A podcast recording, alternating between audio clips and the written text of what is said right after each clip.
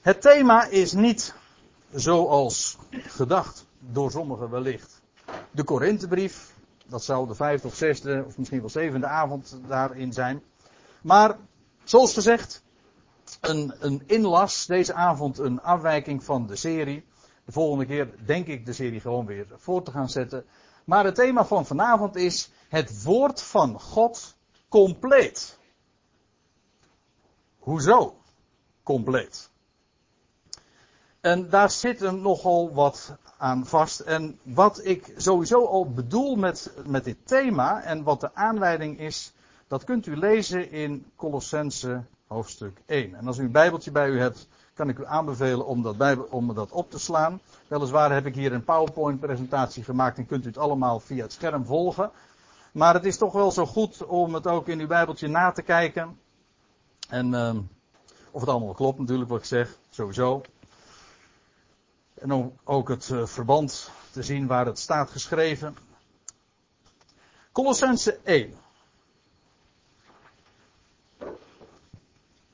Daar beginnen we dan meteen maar mee. En dat verklaart ook het thema van vanavond. Colossense 1 en daar schrijft de apostel Paulus in vers 25 en het is midden in een gedeelte dat ik eigenlijk begin te lezen wat dan altijd een beetje moeilijk is, dat blijkt meteen al bij de aanvang, want Paulus zegt daar in vers 25, haar dienaar ben ik geworden. En dat roept uiteraard de vraag op, wie, van wie is hij de dienaar geworden? Wel, als u het voorgaande vers leest, dan ziet u dat hij de dienaar is geworden van de gemeente, de ecclesia, het uitroepsel, het lichaam van Christus, zoals hij dat in dit hoofdstuk ook noemt. Wel, haar dienaar ben ik geworden krachtens het beheer. Ja, het hangt er nogal van af wat voor vertaling u gebruikt. Als u een MBG-vertaling hebt, dan staat er krachtens de bediening. Dat is in elk geval niet goed. Want bediening is een ander woord in uh, de Bijbel. Uh, als u een statenvertaling hebt, dan staat er krachtens de bedeling. Dat is een heel stuk beter. Maar ook dat uh, is een woord wat, wat misverstanden op kan roepen. Het meest letterlijke betekenis is beheer of huishouding. Oikonomia, ons woordje economie komt daar vandaan. Dat is wat hij gebruikt. Krachtens het beheer dat mij door God is toevertrouwd, om onder u het woord van God te vervullen. Of, zoals andere vertalingen dat hebben, het woord van God te completeren. En dan begrijpt u meteen ook waarom de titel van deze avond luidt: Het woord van God compleet. Dat is aan dit vers ontleend. Om onder u het woord van God te vervullen of te completeren. En dan zegt eh, Paulus in vers 26, want hij ligt dat toe, waaruit bestaat dat compleet maken, dat vervullen van het woord van God? Wel, hij zegt in vers 26, het geheimenis, of de verborgenheid, dat eeuwen en geslachten lang verborgen is geweest, maar thans geopenbaard aan zijn heiligen. Hun heeft God willen bekendmaken hoe rijk de heerlijkheid is van dit geheimenis onder de heidenen. Christus onder u, de hoop der heerlijkheid. Ja, dan gaat Paulus natuurlijk verder, maar wij stoppen hier even. Want hier hebben wij uh, onze handen al vol aan vanavond, denk ik. Want wat Paulus hier naar voren brengt is de speciale, als ik het zo mag zeggen, speciale status die hij van Gods wegen ook heeft ontvangen. Namelijk dat hij hem een beheer, een bedeling is toevertrouwd. Uh, en dat bestaat daaruit dat uh, het aan hem is om het woord van God te vervullen. En wat betekent dat? Wel, Paulus mocht het geheimenis. Hij zegt dat hier. Maar hij zegt dat in de Efezebrief uh, nog uitgebreider. En in de Romeinenbrief in het slot, Romeinen 16, zegt hij iets soortgelijks.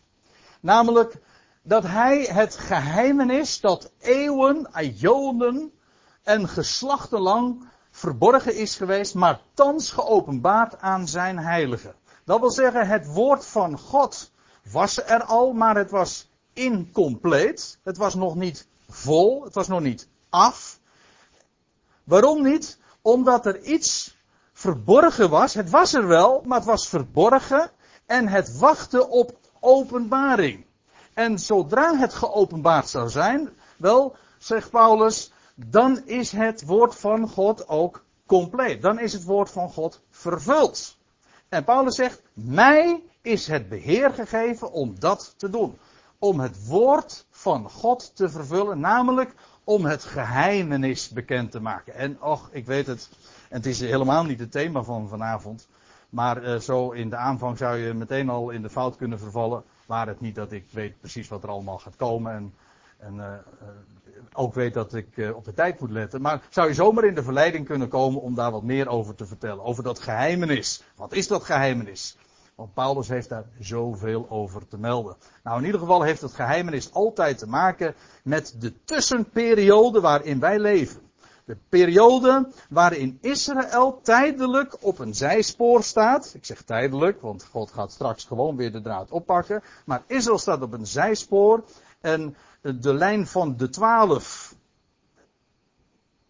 stammen, maar je kunt ook zeggen de twaalf apostelen, is min of meer onderbroken. En een dertiende apostel is geroepen om een, een heel andere richting in te gaan. Om zich niet slechts te beperken tot Israël, maar om de heidenen te evangeliseren en te prediken.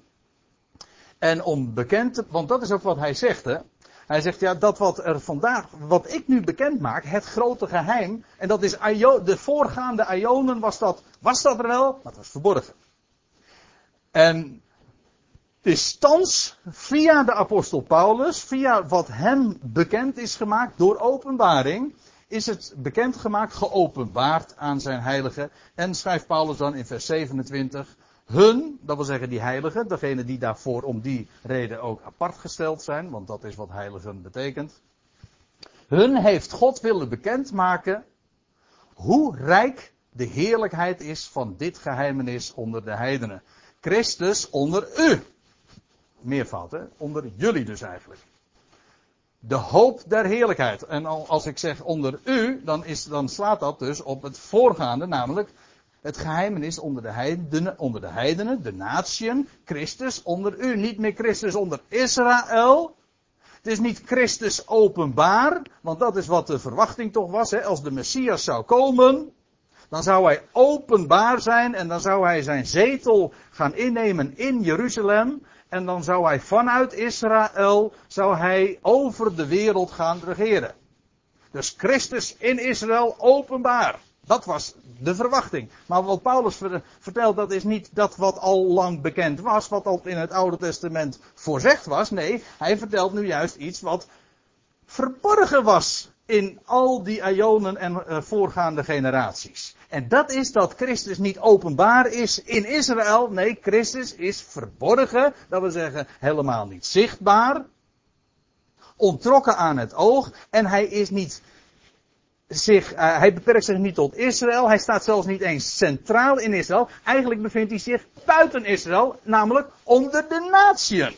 Nou, dat was helemaal niet de verwachting, want de verwachting was dat Israël juist in het middelpunt zou staan. Nou, het geheimenis heeft alles te maken met, met, met, die, met die gang van zaken. Over die onderbreking in de heilshistorie. Dat is een, een, een geheim. En Paulus zegt van Christus onder jullie, de hoop der heerlijkheid. Nou, daarover had hij in het voorgaande van Colossense 1 ook al zoveel gezegd. Over die geweldige hoop. Over de, hoop van het evangelie, zo noemt hij het in Colossense 1 vers, wat is het? Uh, 23.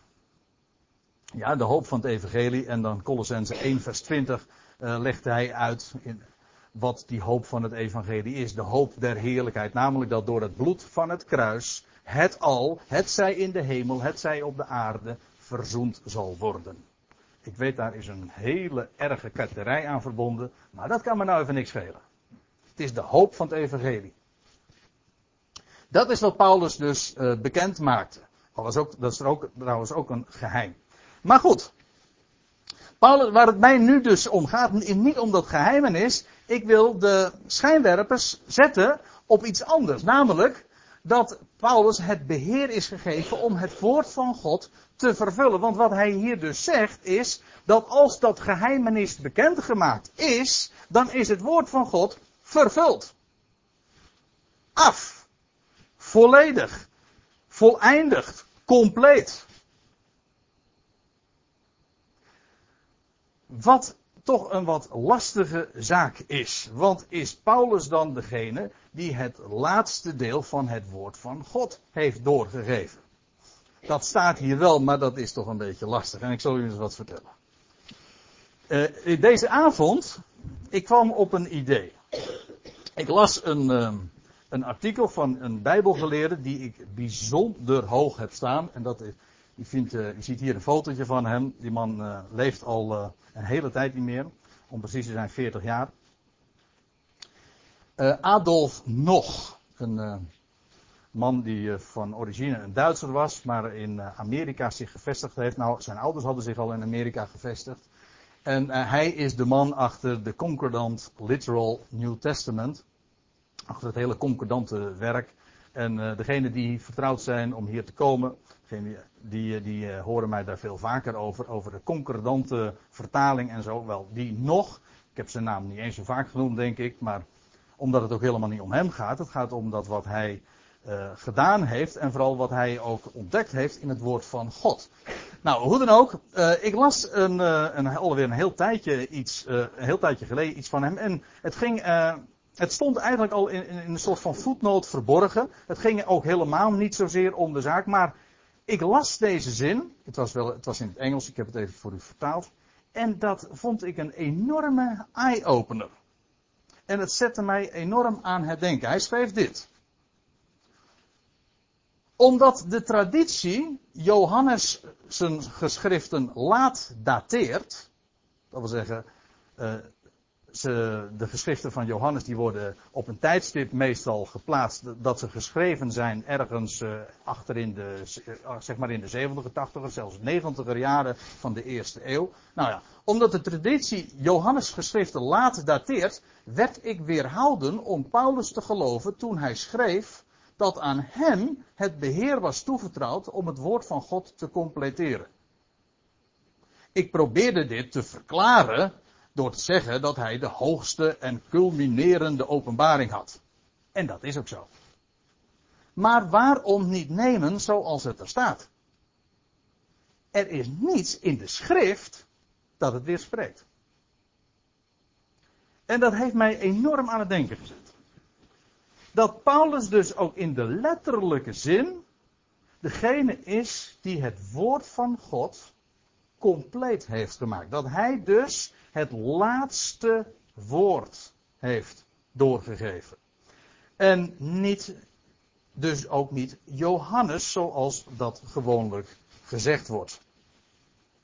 Kijk, als Paulus Gods woord completeerde, en hij werd in de tweede helft van de zestiger jaren omgebracht. En daar zijn goede redenen voor om dat inderdaad aan te nemen.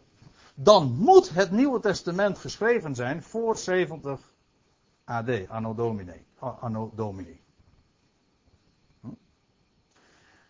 Dat is een wat lastig verhaal, maar toen ik daar eens een keertje onderzoek naar ging doen, toen bleek dat toch veel minder problematisch te zijn dan ik in aanvang gedacht heb.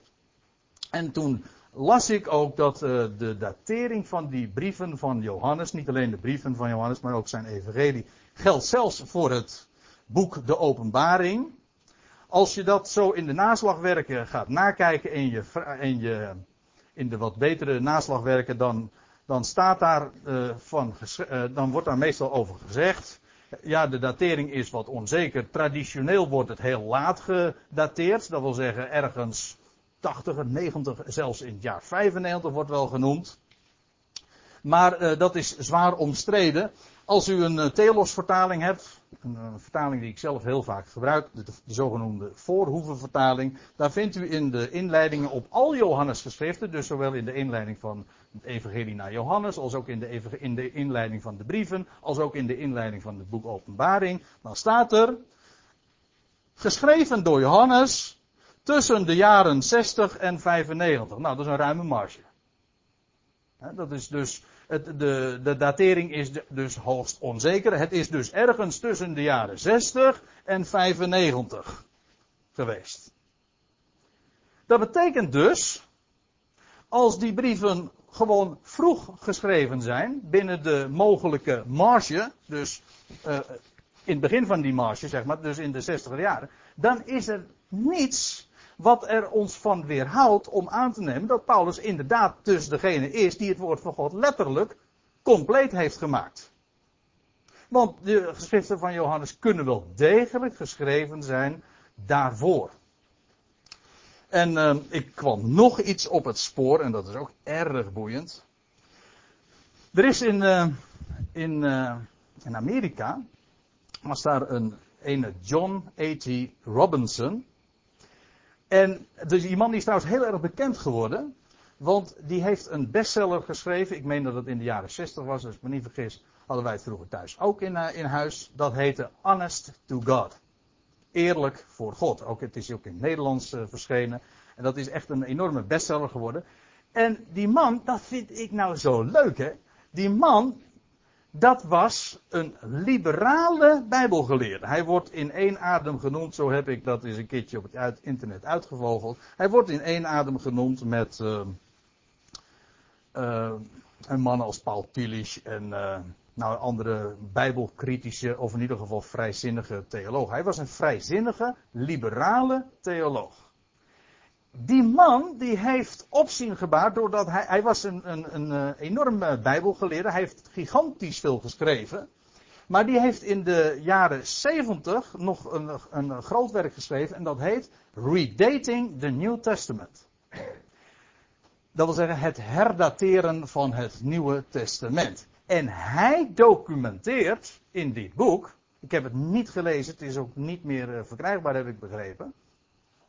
Maar hij documenteert in het boek dat het heel het Nieuwe Testament inderdaad geschreven is voor het jaar 70.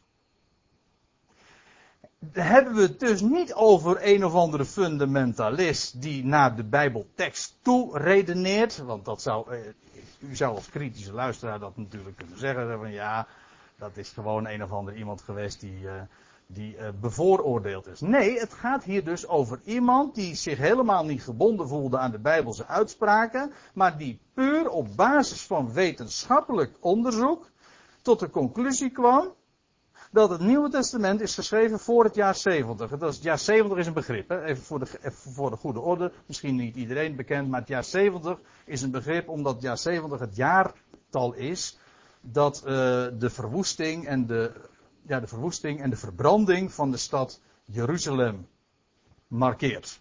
Dat is het jaar dat de Joodse natie in die dagen uh, helemaal uh, ten onder ging. En uh, is, dat wat er nog over was van de Joodse natie is toen helemaal verstrooid onder de heidenen. En hij, dat is trouwens ook een van zijn hoofdargumenten. Zijn, zijn hoofdargument in dat boek is, zo heb ik begrepen, is het Nieuwe Testament moet wel geschreven zijn voor het jaar 70, want in het Nieuwe Testament vinden we vele voorzeggingen aangaande de val van Jeruzalem. In de Evangelieën, maar zelfs in de brieven vinden we diverse voorzeggingen daaromtrent. Hij zegt, als het Nieuwe Testament geschreven zou zijn voor een deel na het jaar 70, hadden we ongetwijfeld daarvan documentatie gehad in het Nieuwe Testament. Had daar ook melding van gemaakt. Hij zegt dat ontbreekt. De, we vinden de voorzeggingen van de val van Jeruzalem, maar niet de vervulling ervan. En dat is een van zijn hoofdargumenten om te zeggen van de dateer, het Nieuwe Testament moet daarvoor gedateerd worden. Inclusief dus ook Johannes geschriften, ook het boek De Openbaring. En dat vond ik nou een hele aardige opsteker van deze meneer Robinson. Ik hoop het boek ooit nog eens een keertje te kunnen verkrijgen. Dus mocht u het eh, in uw bezit hebben, ik hou me aanbevolen. Voor een zacht prijsje. Nee hoor.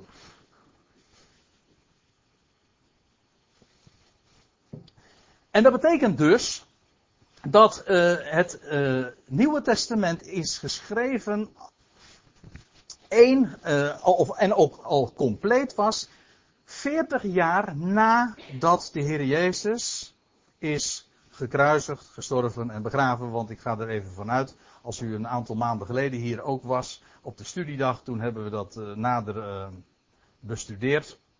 Aan de hand van de 70 jaarweken van Daniel. Dat de Heer Jezus inderdaad in het jaar 30 is uh, gestorven en dus ook is opgestaan. En het jaar 70 is, dat brengt ons meteen 40 jaar verder, oftewel een generatie. Toen werd de Joodse natie ging ten onder. Nou, daar zit, daar zit ook nog een heleboel aan vast. Maar daar gaat het me allemaal niet voor. Het gaat me puur nu om het punt dat, het, dat als Paulus degene is geweest die het woord van God compleet heeft gemaakt, dan moet het Nieuwe Testament dus inderdaad uh, geschreven zijn voor het jaar 70. En inderdaad, dat is uh, wat ik vanavond u ook wil voorhouden. Het is geschreven door ooggetuigen. Want weet je wat het ook is? Moderne theologen hebben de neiging om de, de Nieuwe Testament laat te dateren. Want hoe, hoe later je het dateert. Dus bijvoorbeeld ergens in de jaren 80, 90 of zelfs nog na uh, de eerste eeuw, dus in de tweede eeuw, het begin van de tweede eeuw. Ja, dan betekent dat dat het Nieuwe Testament helemaal niet meer opgetekend is door ooggetuigen. En dus ook niet zo betrouwbaar is. En, en het belang van het Nieuwe Testament juist is dat het geschreven is, documentatie is van mensen die het gezien, gehoord en aanschouwd hebben. Ooggetuigen. En zelfs op zeer korte termijn, en dat betekent namelijk nog wat, dat als het heel uh, snel allemaal op schrift is gesteld, als het Nieuwe Testament al op, in een heel, op een vroeg tijdstip, in een vroeg stadium is geboekstaafd, dus te boek is gesteld, dan betekent dat ook dat het uh, betrouwbaar moest zijn, want degene die ook ooggetuigen waren, in dus die generatie, die zouden het kunnen falsifiëren. Die, kunnen, die kunnen zeggen van het klopt niet wat er staat. Dus een vroege datering, dat betekent per definitie een pleidooi voor de betrouwbaarheid van het Nieuwe Testament. Hoe dan ook, deze Robinson die zei, het is allemaal voor het jaar 70 en dat is een onverdacht getuige en dat bevestigt dus inderdaad dat Paulus, dat het daadwerkelijk geloofd en geaccepteerd kan worden dat Paulus degene was die het woord van God compleet heeft gemaakt, vervuld heeft.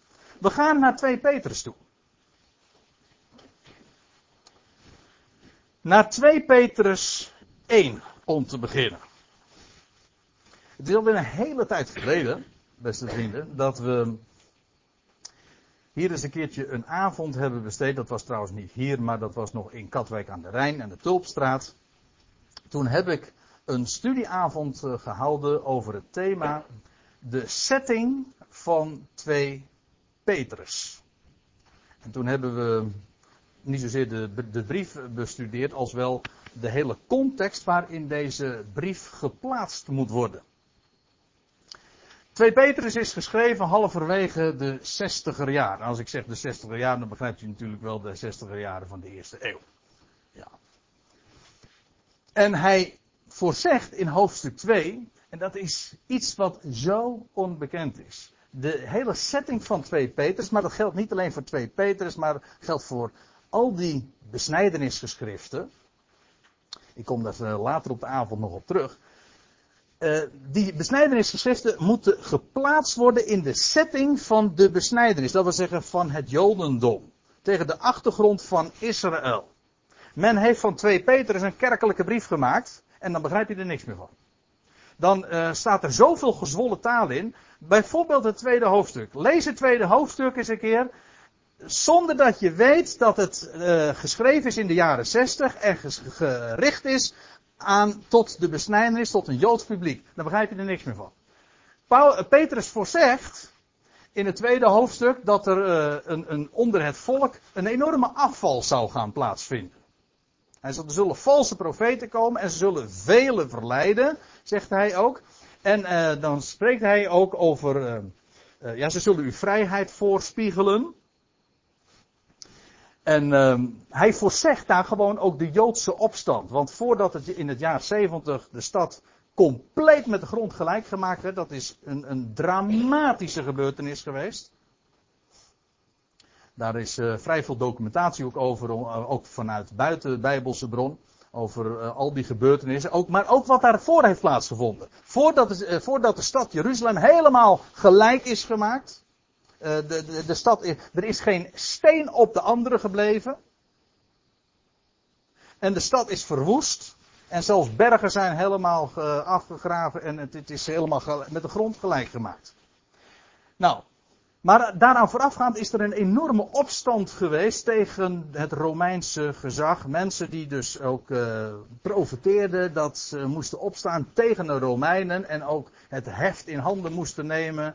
En met, met, ook met name uh, door, uh,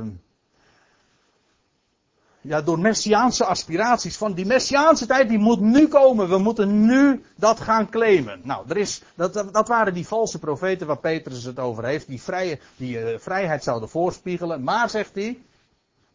Hij zegt er zal een, een schierlijk verderf komen. En hij vergelijkt dat zelfs met de, de, met de verwoesting van Sodom en Gomorra. U moet dat in 2 Petrus maar eens nalezen.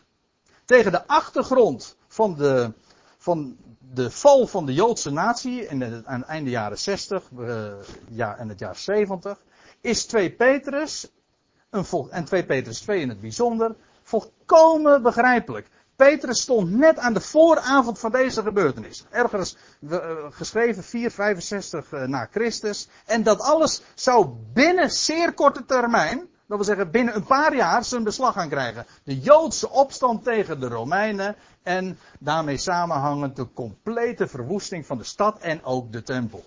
Ook de Hebreeënbrief is net zo'n brief die tegen die achtergrond geschreven is. Want u moet zich ook realiseren, er was een gigantische grote groep Messiaanse Joden. Dat wil zeggen, Messias beleidende Joden. In het boek Handelingen weten we zelfs dat er tienduizenden van hen waren. Die geloofden dat Jezus is de Messias, maar die vasthielden aan de Joodse wetten en de gewoontes. U vindt dat allemaal uh, keurig in, het boek Handelingen. Maar aan het einde van die van die 40 jaren, dus ergens in die halverwege die 60 jaren, is daar een enorme afval onder dat Messiaanse Jodendom heeft er plaatsgevonden. Ook de Hebreeënbrief uh, moet, je, moet je lezen tegen die achtergrond. Nou, dat is 2 Petrus 2. Waarom zeg ik dat allemaal? Nou, ik wil ook nog even iets anders zeggen, 2 Petrus 3. Want in 2 Petrus 3, dat is ook uh, dat is heel boeiend. Want uh, daar gaat Petrus zeggen, dat, is, dat zal hem ongetwijfeld heel wat hoofdbrekens hebben bezorgd voordat hij zover kwam. Voor, voordat hij zover was om dat daadwerkelijk allemaal op te tekenen. Namelijk dat de wederkomst van Christus veel langer op zich zou laten wachten dan misschien in eerste instantie gedacht was. Want, hoe was het ook alweer? Was Petrus niet degene die op het tempelplein daar in het jaar 30 heeft gepredikt, furieus van, en aan het adres van Israël heeft vertelt van kom tot berouw en bekering. En geloof in hem die op de derde dag opstond uit de doden. Jullie eigen Messias. En als jullie hem zullen aannemen, dan zal hij uit de hemel komen en dan zal er tijden van verademing komen. Jullie, Israël, deze generatie. Ook het hele boek Handelingen staat in dat teken. Heren, herstelt gij in deze tijd het koninkrijk voor Israël? Petrus was een van degenen die die vraag stelde aan de Heer Jezus. In deze tijd, nou aan het einde van zijn leven, wist Petrus het antwoord. Niet in deze tijd. En hij schrijft in de tweede Petrusbrief van ja, er zullen spotters komen en die zullen uh, straks komen en die zullen zeggen, waar blijft nou de belofte van zijn komst? Maar goed, inmiddels wist Petrus meer, want hij zegt van uh, willens en wetens is hun onbekend dat, en dan vertelt hij zo het een en ander, en bovendien on, uh, zegt hij, één ding mag je niet, ont, mag je niet ontgaan hoor, beste, beste vrienden. Eén dag is bij de Heer als duizend jaar. En duizend jaar als één dag. Heel cryptisch, maar ook heel veelzeggend. Ja. En dan aan het einde van dat hoofdstuk, maar daar komen we straks nog eventjes over te spreken. Dan zegt hij, als je er meer over wil weten, dan moet je bij onze geliefde broeder Paulus wezen. Want die heeft in al zijn brieven daarover al over geschreven. Petrus, ja ja, die ooit zoveel moeite had met, uh, met Paulus. Groot conflict ook gehad heeft met hem. Maar Petrus komt tot de erkenning. Nou ja. Maar nou gaan we naar hoofdstuk 1. Daar schrijft Petrus dit. In vers 12, hoofdstuk 1, vers. Uh, zeg het goed? Hoofdstuk 1, vers 12, ja. Daarom zal het steeds mijn voornemen zijn u hieraan te herinneren, hoewel gij het weet en in de tegenwoordige waarheid versterkt zijt. Ik acht het mijn plicht Zolang ik in deze tent ben, hij bedoelt in dit lichaam ben, u door herinnering wakker te houden. Want ik weet dat het afleggen van mijn tent spoedig komt. Dat wil zeggen, hij stond gewoon op het punt om dood te gaan. Waarschijnlijk omgebracht te worden. En dat wil zeggen, hij zou worden omgebracht, ja. Trouwens, dat wist hij sowieso dat hij zou sterven, want dat had de Heer Jezus hem ooit hoogstpersoonlijk alles verteld. En als u dat niet wil geloven, dan moet u dat in Johannes 21 maar eens nalezen, want daar had de Heer Jezus het ook al uh, na zijn opstanding tegen Petrus gezegd. Wel, Petrus zegt uh, inmiddels, uh, ik weet dat het nu heel spoedig gaat komen. Het afleggen van mijn tent komt spoedig. Maar zegt hij dan in vers 15, ik zal mij beijveren dat gij ook na mijn heen gaan telkens weer aan deze dingen kunt denken. Want ja, als Petrus, als een van de ooggetuigen van de Heer Jezus Christus, zou sterven, hoe dan?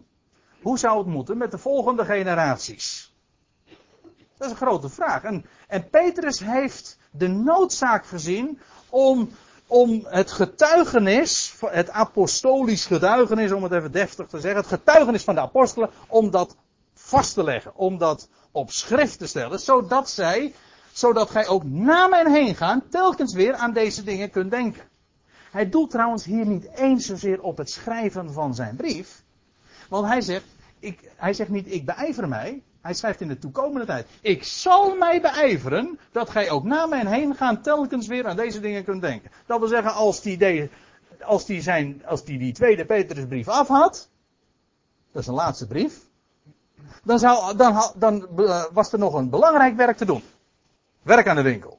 Hij zou zich namelijk gaan beijveren dat zijn lezers aan deze dingen zouden kunnen blijven denken. Hij heeft het hier gewoon over de completering van de schriften. Over de boekstaving van het getuigenis van de apostelen.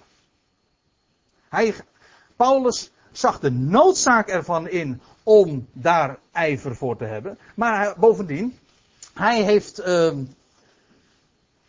hij heeft ook uh, zich. Uh, hij heeft ook daadwerkelijk zich dus ingezet. Dat is wat ik wilde zeggen. Hij heeft zich dus daadwerkelijk ingezet voor de schriften. Ja, en dan lees ik nog even verder, want in vers 16. Daar gaat, daar gaat de Petrus gewoon verder. Want wij zijn geen vernuftig gevonden verdichtsels nagevolgd. Ik vind dit altijd een prachtig vers. Dit vers moet je uit je hoofd kennen. Schitterend. Daarin verschilt het Nieuwe Testament, de hele Bijbel, nou gewoon zo hemelsbreed van elk ander uh, religieus of voor mijn part filosofisch boek. Want het Nieuwe Testament, de Bijbel, dat is geen verhaal, het is geen filosofie, het is gewoon geschiedenis. Het is verteld over wat er gebeurd is. Want, zegt hij, wij zijn geen vernuftig gevonden verdichtsels nagevolgd. Mythen staat er eigenlijk in het Grieks. Mythen. En, en ja, mensen vinden dat prachtig. Hè? Mensen die, die, die, eh, die kikken op verhalen. Er zijn zelfs mensen, predikanten, die het Nieuwe Testament daartoe reduceren, eh, reduceren. Het woord van God, die zeggen, het verhaal gaat. En daarmee refereer ik zelfs aan een heel bekend boekwerk.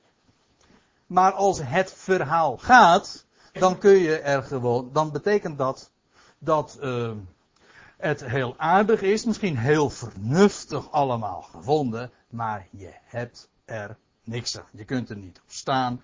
Het is misschien aardig, het is er zit een moraal in. Maar het is geen gevonden verdichtsel. Het is ook niet een vernuftig gevonden verdichtsel het is helemaal niet vernuftig. Het is gewoon keiharde werkelijkheid. Paulus zegt, of Peter zegt, we zijn geen vernuftig gevonden verdichtsels nagevolgd. Toen wij u de kracht en de komst van onze Heer Jezus Christus hebben verkondigd. Maar, wij zijn ooggetuigen geweest van zijn majesteit. Nou, hij laat dat dan nog verder zien in een paar tussen de, nog een paar andere versen. Ik sla dat even voor de, vanwege de, de tijd uh, over. Maar dan gaat hij verder in vers 19. En dan zegt hij, en wij hebben dat profetische woord dat vaster is. En gij doet wel eracht op te geven als op een lamp die schijnt in een duistere plaats, totdat de dag aanbreekt. Hij moet even goed opletten wat hij hier zegt. Hij spreekt hier over wij, En hij spreekt hier over gij. Wie zijn die wij? Nou, wij, dat zijn de ooggetuigen. Degene die, zoals Johannes dat zegt in, eh, de, in zijn eerste brief, wat wij gezien hebben, wat wij gehoord hebben, wat onze handen getast hebben van het woord des levens. Dat is het. Hè? Ooggetuigen. Hij zegt, wij zijn ooggetuigen geweest en wij hebben gewoon verteld, het waren maar gewoon eenvoudige vissers. Maar weet u wat het nou is? Kijk, voor een verhaal, dan moet je een goede verteller voor wezen. He, daar moet je retorica ook voor gestudeerd hebben, om dat allemaal mooi te kunnen vertellen. Of, uh, en als het een verhaal, of als het een filosofie is, dan moet je een buitengewoon intelligent iemand zijn om dat allemaal prachtig uh, te kunnen beredeneren. Maar Petrus was maar gewoon een eenvoudige visser. Ik zeg niet dat hij dom was, helemaal niet. Ik zeg alleen, hij was ongeletterd, zo noemt de Bijbel hem ook. Ongeletterd. Was ook helemaal geen, geen retoricus of, of, geen man met sprekerstalent of zo. Ik lees daar tenminste niet over in de Bijbel. Ik lees wel in het boek Handelingen dat, uh, ze, dat men geïmponeerd was door de enorme vrijmoedigheid waarmee hij sprak. De overtuigingskracht. Weet u waarom? Niet omdat hij een mooi verhaal vertelde. Ook niet omdat hij een geleerde filosofie vertelde. Hij was gewoon een ooggetuige. En daar hoef je niet geleerd voor te zijn. Je hoeft alleen maar iets gezien te hebben. En, dat, en als je een mond hebt, dan vertel je het gewoon. En desnoods stotter je, maar dat maakt niet uit. Je vertelt gewoon dat wat je gezien hebt. En als degene keken, de mensen die toen keken naar Petrus en hem aanhoorden, die wisten die man die vertelt, die, die man die zegt iets waar hij er helemaal achter staat. Hij heeft het gewoon gezien. En niet alleen Petrus, maar Petrus was één van de ooggetuigen. Hij zegt, we zijn ooggetuigen geweest van zijn majesteit. En dan zegt hij in vers, vers 19, hij zegt, en wij, dat zijn die ooggetuigen. Dus wij hebben dat profetische woord. Waarvoor die zich zou gaan beijveren, weet u wel, na, eh, zodat ze ook na zijn heen gaan aan deze dingen zouden kunnen denken.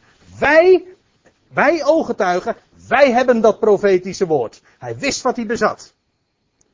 Hij ging er trouwens in het navolgende, ik heb dat hier niet eens meer afgedrukt. Maar het is, uh, in het navolgende gaat hij het dan ook weer hebben. Precies trouwens het, Paul, het vers dat het Paul op uh, uh, volgt. Dan, dan spreekt hij over dat geen profetie der schrift een eigen machtige, een eigen uitlegging toelaat. Ja, een profetie der schrift. Hij zegt, wij hebben dat profetische woord en gij doet wel eracht op te geven. Ik, in het verleden heb ik vaak gedacht dat als er staat van wij hebben dat profetische woord, eh, dan dacht ik van nou wij gelovigen, wij hebben het profetisch woord. Daar heb ik niks op tegen hoor als u het zo uh, uitlegt. Of als u het zo opvat. Maar als u dit in 2 Petrus leest, dan moet u erop bedacht zijn dat hij over wij en gij spreekt. Wij, dat zijn de ooggetuigen. Gij, dat zijn de lezers. Dat zijn in dit geval dus gewoon wij. En in directe zin richtte hij zich tot de besnijdenis toe, ooit. Dus de, de ooggetuigen, zij hadden het profetisch woord. Kijk, en dat is nou precies ook wat het Nieuwe Testament is. Het Nieuwe Testament, dat is voortgebracht, is niks anders dan een getuigenis. Een heel aantal geschriften, een 27 geschriften, dat opgetekend is door ooggetuigen of eventueel geschreven is door uit de kring van de ooggetuigen, bijvoorbeeld een Lucas die nauwkeurig navraag heeft gedaan en onderzoek heeft gedaan. En bovendien een medewerker was van een van de grootste ooggetuigen, namelijk Paulus. Ook zijn naam komt uh, straks nog een keertje voorbij. Uh, Marcus is ook zo iemand. Het Nieuwe Testament is geschreven, opgetekend door ooggetuigen. Of door mensen die direct uit de kring van de ooggetuigen komen. Dat is de, het Nieuwe Testament. Wij hebben dat profetische woord. Dus als het een apostolisch geschrift is, als het een geschrift is van de apostelen, wel dan hoort het thuis in dat Nieuwe Testament. We gaan verder. Want uh, later in dezezelfde brief, in deze uh, 2 Petrus 3 dus, dan, uh, dan schrijft Petrus nog iets bijzonders. En ik heb er al eventjes op gezinspeeld eerder. Maar dan schrijft hij in vers 15 dit. En houdt de langmoedigheid van onze Here voor zaligheid. Nou, dat klinkt een beetje gedragen en uh, nogal oudbollig. Maar als, let er nou eens eventjes op. Prik even door het oud-Nederlands. Hij heeft het hier over het uitblijven van de terugkeer van de Heer Jezus Christus. dat is de langmoedigheid van onze Heer. De Heer grijpt maar niet in. Dat is eigenlijk wat zijn. De, de Heer die is vandaag langmoedig. Hij, dat betekent gewoon, hij grijpt niet in. Hij zegt, maar houd dat nou voor zaligheid, voor redding, voor heerlijkheid. Hij zegt, uh, als je daar nou meer over wil weten, hier heb je het. Zoals ook onze geliefde broeder Paulus. Prachtig hè? Onze geliefde broeder Paulus. Na de hem gegeven wijsheid u geschreven heeft. Kennelijk heeft Paulus dus ook nog een brief aan de besnijdenis geschreven. Heel eigenaardig. Ja, want Petrus richt zich tot, tot Joodse lezers. Hij zegt, en, en die onze geliefde broeder Paulus, dat was een apostel der heidenen, maar hij heeft wel degelijk, dus kennelijk, nog een brief geschreven aan de besnijdenis. En ik denk te weten welke brief dat is. We komen er later op de avond misschien nog op terug. Ja, het is een, een, brief die anoniem is, want het is eigenlijk geen echte Paulinische brief. Paulus heeft expres een naam er niet onder geschreven. Zodat we niet zouden zeggen het is een Paulinische brief, maar hij is wel van hem.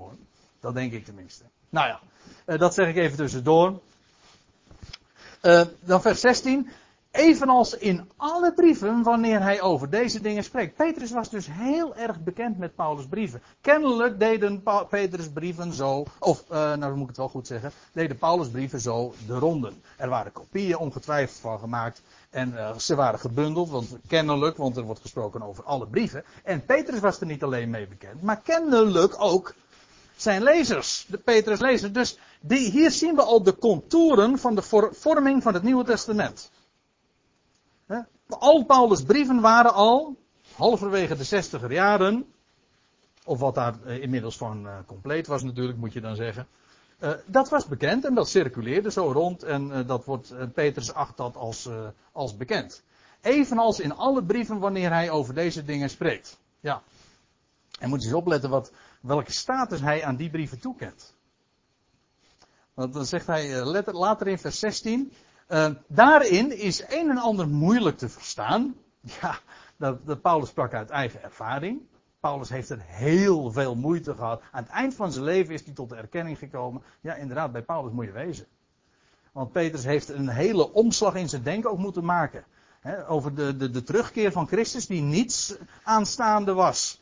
en, en dat niet Christus openbaar zou worden. Ja, dat, dat, dat, dat gaat wel gebeuren, maar dat, dat wacht nog. En nu leven we in de tijd van dat de Christus verborgen is. En heel Gods koninkrijk is verborgen. Niet zien. Ja, dat is lastig hoor. En sommige mensen die, die, die komen er nooit toe om dat te gaan begrijpen. Daar heb je trouwens ook verlichte ogen voor nodig hoor. Dat weet ik wel. Maar goed, uh, Peter zegt daarin is een en ander moeilijk te verstaan. Wat de onkundige en onstandvastige lieden tot hun eigen verderf verdraaien. Maar zegt hij dat evenals trouwens de overige schriften. Ziet u wat hij hier zegt? Paulus' brieven stelt hij hier gelijk met de overige schriften. Hij zegt niet van de Heilige Schrift en je hebt dan ook nog de Paulusbrieven. Nee, Paulusbrieven hij krijgt hier dezelfde, hebben hier dezelfde status als de rest van de schriften. Petrus was zich ervan bewust dat dat wat Paulus had opgetekend, evenals trouwens zijn eigen woorden, dat dat hoorden bij het profetisch woord. Wij hebben dat profetisch woord. daar hoort Paulus ook bij, zegt Petrus hier. Dat, heeft, dat hoort allemaal bij de, de heilige schriften. Ook al was het allemaal nog niet verzameld, al was het nog niet compleet, maar dat zijn de heilige schriften. Ja. Goed. We gaan nu uh, verder. Ja, we moeten verder. Naar 2 Timotheus. Nou gaan we weer naar, naar Paulus toe.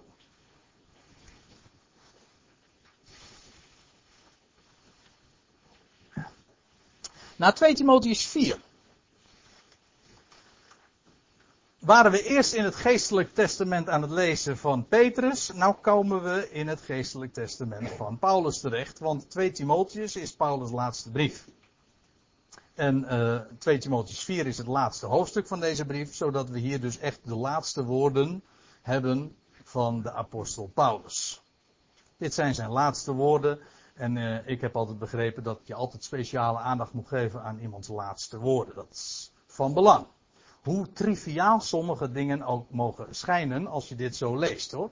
Dat geef ik ook direct toe, maar dat komt ook uh, enigszins door de vertaling. Soms. Nou ja, Laat ik even beginnen vanaf vers 6. Daar schrijft Peter, uh, Paulus dit. Wat mij aangaat, reeds word ik als een plengoffer geofferd. En het tijdstip van mijn verscheiden staat voor de deur. Lijkt een beetje op wat Peter zegt, dat het afleggen van zijn tent spoedig zou komen. Hier zegt Paulus, het tijdstip van mijn verscheiden staat voor de deur. Ik heb de goede strijd gestreden. Ik heb mijn loop ten einde gebracht. Ik heb het geloof behouden. En dan zegt hij, of schrijft hij aan Timotheus, doe uw best spoedig tot mij te komen. Dat begrijp ik ook wel. Want als je, als Peter, of, nou moet ik het wel goed zeggen. Uh, als Paulus nou wist dat het tijdstip van zijn verscheiden voor de deur stond. Dan, uh, en hij wilde Timotheus nog zien en hij wilde nog het een en ander doen. Zoals we straks ook zullen zien. Ja, dan moest uh, Timotheus natuurlijk wel zijn best doen om er gauw te komen. Hè? Daar was dus haast bij. Vandaar dus spoed. Hè? Doe uw best spoedig tot mij te komen. En dan lezen we in vers 10. Want Demas heeft mij uit liefde voor de tegenwoordige aion verlaten. De tegenwoordige wereld staat er in de MBG-vertaling. Wat hij ook gedaan heeft, ik weet het niet. Sommigen zeggen dat hij ongelovig is geworden, maar dat staat er niet. Staat gewoon uit liefde voor de tegenwoordige eeuw heeft hij mij verlaten. Misschien vond uh, Demas bepaalde dingen belangrijker. Hij is naar Thessalonica vertrokken. Misschien wel om handel daar te drijven. Ik zit maar wat te gissen hoor. Kan voor mijn part best wat anders geweest zijn. Maar hij had liefde voor de tegenwoordige eeuw gekregen. En uh, ja, en als je dat hebt, dan is het uh, in het bijzijn van Paulus te verkeren en medewerkers van hem zijn niet zo echt interessant. Want daar was niet veel te mee te verdienen. Was ook niet echt populair mee te worden. Want Peter, dezezelfde apostel, klaagt al in het eerste hoofdstuk van allen die te Azië zijn. Nagaan, dat was een heel belangrijk uh, terrein van arbeid voor Paulus geweest. Hij had vele gemeenten had hij daar, uh, waren daar gesticht door hem. Als ik het zo mag zeggen. Maar allen die te Azië zijn, hebben mij verlaten. Allen. Nou, dat was dus niet echt een populaire bezigheid om met deze apostel te vertoeven. Maar, en dat heeft Demas waarschijnlijk ook zo aangevoeld. Die heeft in ieder geval eh, Paulus verlaten. Uit liefde voor de tegenwoordige eeuw. Hij is naar Thessalonica vertrokken. Kreskens naar Galatië. Leuk is uh, er even op te merken toen ik dit opschreef. En toen ik nog eens eventjes nakeek hoe dat, uh, hoe dat nou precies is. Toen bleek dat in een, een, een van de grote handschriften van het Nieuwe Testament. In de Sinaiticus. Daar staat dat Kreskens naar Gallië is gegaan. En dat betekent dus dat hij ergens in deze contraien is terechtgekomen. Ja, bij Asterix en Obelix. Ja. Uh, maar het verschil is trouwens niet zo groot hoor, want Galatiën dat heeft direct daar ook mee te maken. Want uh, Galatiën dat was een landstreek waar allemaal Galliërs woonden. Ja, daarom werd het namelijk Galatië genoemd. Hetzelfde grondwoord weer als, uh, als de Kelten trouwens. Maar goed, en Titus is naar Dalmatië gegaan. Dat is het huidige Joegoslavië. Meer precies Bosnië-Herzegovina. Dat is Dalmatië. Ja, Dalmatië, dan eh, denk ik meestal aan iets anders, nog weer aan honden, maar uh, dat heeft er waarschijnlijk niks mee te maken. Uh, alleen Lucas is nog bij mij. Nou, dan hebben we meteen nog een Bijbelschrijver. Lucas, hij noemt hem in de Kolossenbrief de geliefde geneesheer. Ook al een geliefde de geliefde arts dus. Alleen Lucas is nog bij mij de schrijver van het boek Lucas, maar ook de schrijver van het boek Handelingen, juist. En dan zegt hij, of dan schrijft hij, haal Marcus af. Dat wil zeggen, Timotheus moest Marcus afhalen. En uh, breng hem dan mee, want hij is mij van veel nut voor de dienst. Marcus, is ook een schrijver van een Bijbelschrijver, namelijk van. ja, nou, dat, ja, dat, uh, is moeilijk te raden maar dat is van Marcus Evangelie. En, uh, maar deze Marcus, daarvan lezen wij in, uh, aan het einde van 1 Petrus. Ik heb het nu niet afgedrukt, maar u kunt, u kunt zo naar, in uw Bijbeltje nalezen. In het slot van 1 Petrus 5, daar staat dat hij de zoon genoemd wordt, de erfgenaam van Petrus. Mijn, uh, ik geloof dat Peter dan spreekt over mijn zoon Marcus. Dat betekent dus dat als Petrus kwam te overlijden, dan kwam het nalatenschap van Petrus terecht bij zijn erfgenaam, oftewel zijn zoon, oftewel bij Marcus. Ja, en Petrus die heeft zich aan het einde van zijn leven, heeft hij zich beijverd voor het profetisch woord, wat wat maar één ding kan betekenen, als hij al zijn brieven inmiddels al geschreven heeft, en hij zou zich niettemin toch ook nog gaan beijveren voor het profetisch woord, dan kan dat in mijn optiek maar één ding betekenen, hij heeft nog meer profetisch woord verzameld, dus nog andere geschriften bij elkaar gebracht. Als u een andere idee hebt, of een andere optie, dan hoor ik hem graag, maar ik zou niet weten wat er iets, wat het nog anders zou kunnen zijn. Zodat Petrus dus nog meer profetisch woord gewoon bij elkaar gebracht heeft. In elk geval, als die, uh, het kwam terecht bij zijn zoon, bij zijn erfgenaam, oftewel bij Marcus. En Paulus zegt, uh, haal Marcus af en breng hem mee, want hij is mij van veel nut voor de dienst. Petrus, of nou, nou, dan moet ik het wel goed zeggen. Paulus, die, het tijdstip van zijn verscheiden stond voor de deur. Maar hij had dus nog iets belangrijks te doen. En Marcus kwam daar buitengewoon goed van pas.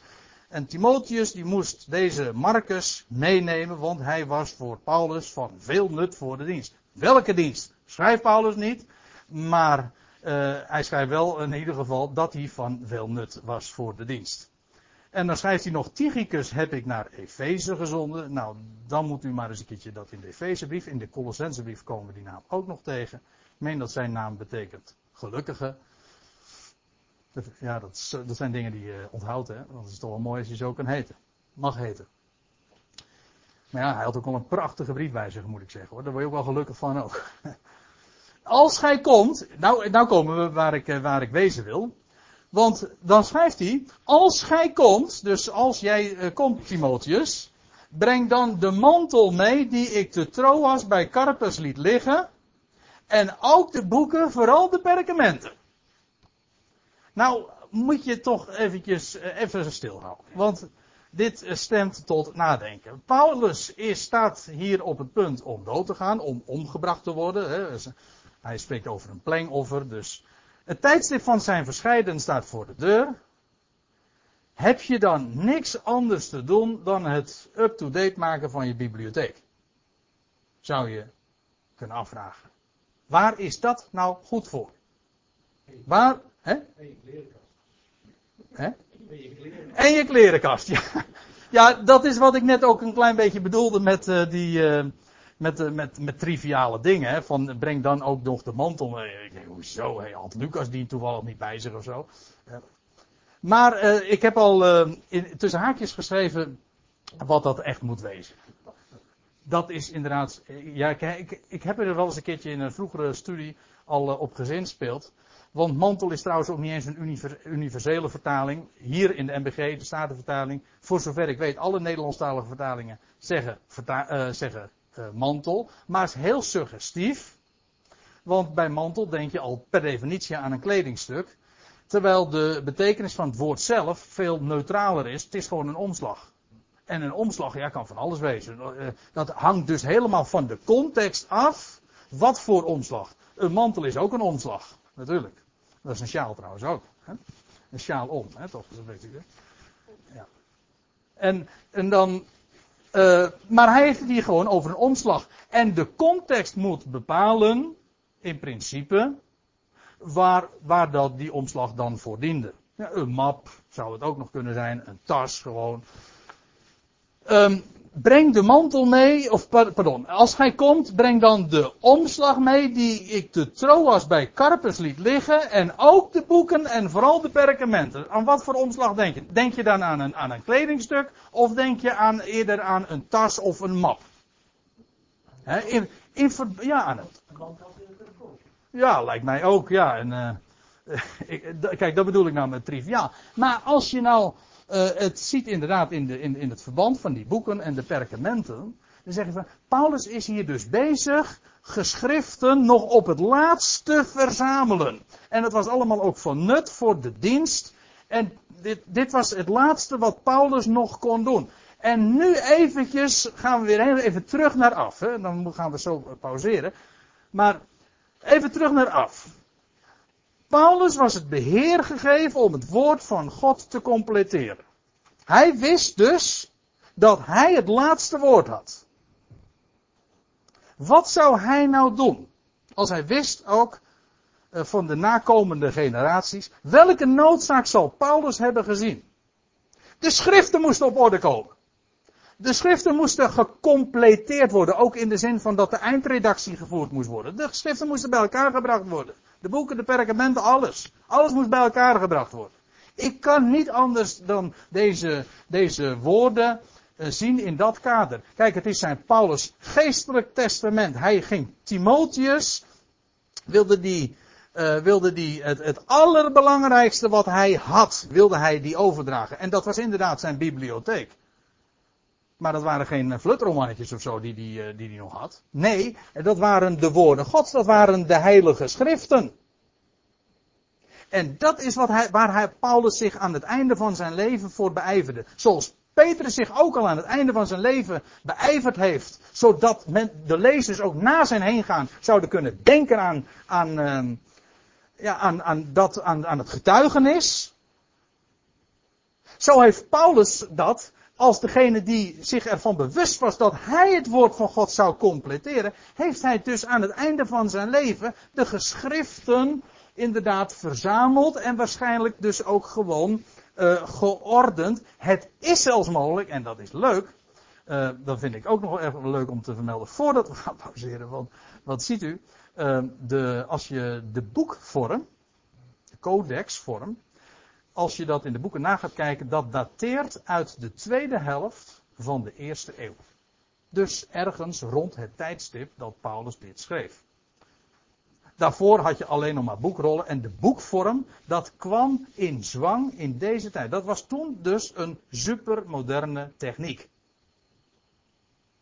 Paulus en moderne techniek. Ik weet niet of ik die link ooit gelegd heb, maar uh, via, dit, via deze overwegingen kom je daar al nog bij. En dan is het ook, dan, dan zou het dus kunnen zijn, maar ik geef toe dat dit speculatief is, maar we, we hebben het er nu zo over, over die omslag. Hoezo die omslag? Nou, hij heeft die geschriften gewoon bij elkaar, de boeken en de perkamenten, hij heeft ze bij elkaar gebracht en hij heeft er gewoon een, gezorgd voor een omslag. Hij heeft ze geordend. Hoe dat ook dan uh, verder ook uh, in zijn werk gegaan uh, kan zijn. In elk geval, het is heel wel denkbaar dat Paulus daarbij al gebruik heeft gemaakt van een kaft, hè, van een boekvorm. Dus.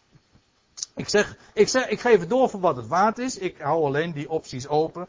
En um, vandaar dus dat ik het ook uh, zo doorgeef. Dan moet ik eventjes nog dit uh, zeggen, uh, echt ter afsluiting. want dan schrijft Paulus nog in het voorafgaande. We hadden net over 2, Petrus, 2 Timotheus 4. En nu gaan we nog eventjes een paar versen terug naar 2 Timotheus 3. Nou schrijft hij dit. Het is een bekend woord. Maar nou tegen de achtergrond van wat we inmiddels weten, Paulus was degene aan wie het beheer was toevertrouwd om het woord van God te completeren. Degene die, die aan het einde van zijn leven de boeken en de perkamenten en de geschriften bij elkaar bracht. En, en, en een bibliotheek aan Timotheus wilde overdragen. Het gaat om zijn nalatenschap. En dan schrijft hij aan Timotheus. Alle schrift is van God ingegeven. Staat letterlijk trouwens elke schrift. Elke schrift is van God ingegeven. En hij heeft het niet alleen maar over het Oude Testament. Nee, hij heeft het over alle schrift. Ook over de schriften, geschriften van de apostelen. En die waren van God ingegeven, van God ingeblazen, geïnspireerd, zeggen sommige vertalingen. Volkomen terecht. Alle schrift is van God ingegeven. En nuttig, te onderrichten, te weerleggen, om mee te weerleggen, te verbeteren en op te voeden in de gerechtigheid. In de gerechtigheid. Opdat de mens Gods volkomen zij. Tot alle goed werk volkomen toegerust. Het gaat hier natuurlijk niet alleen over de Tenach. Over het Oude Testament. Als de mens Gods, als een man als Timotheus, volkomen eh, toegerust zou zijn voor al het werk Gods, dan had hij het getuigenis nodig, de geschrift nodig van de apostelen, in het bijzonder die van de apostel Paulus. En daarom, alle schrift is van God ingegeven. En Paulus kon in, het, in, het, in de laatste versen van, in de afsluiting van de Bijbel. Want dat is het dan, hè? Ook al is het niet in het laatste, ook al is het niet het laatste boek van de Bijbel, maar daar gaan we het na de pauze nog over hebben. Het is wel in ieder geval de afsluiting van de Bijbel. Het is het laatste geschrift van hem die het woord van God completeerde. En dan zegt hij, alle schrift is van God ingegeven. Niet alleen het in nacht, maar ook dat wat ik jou nalaat, Timotheus. Alle schrift is van God geïnspireerd. Nuttig om te onderrichten, te weerleggen, etc. Opdat de mens Gods volkomen zij. Tot alle goed werk volkomen toegerust. Daar wilde ik het even bij laten. We gaan nu niet al te lang pauzeren. Want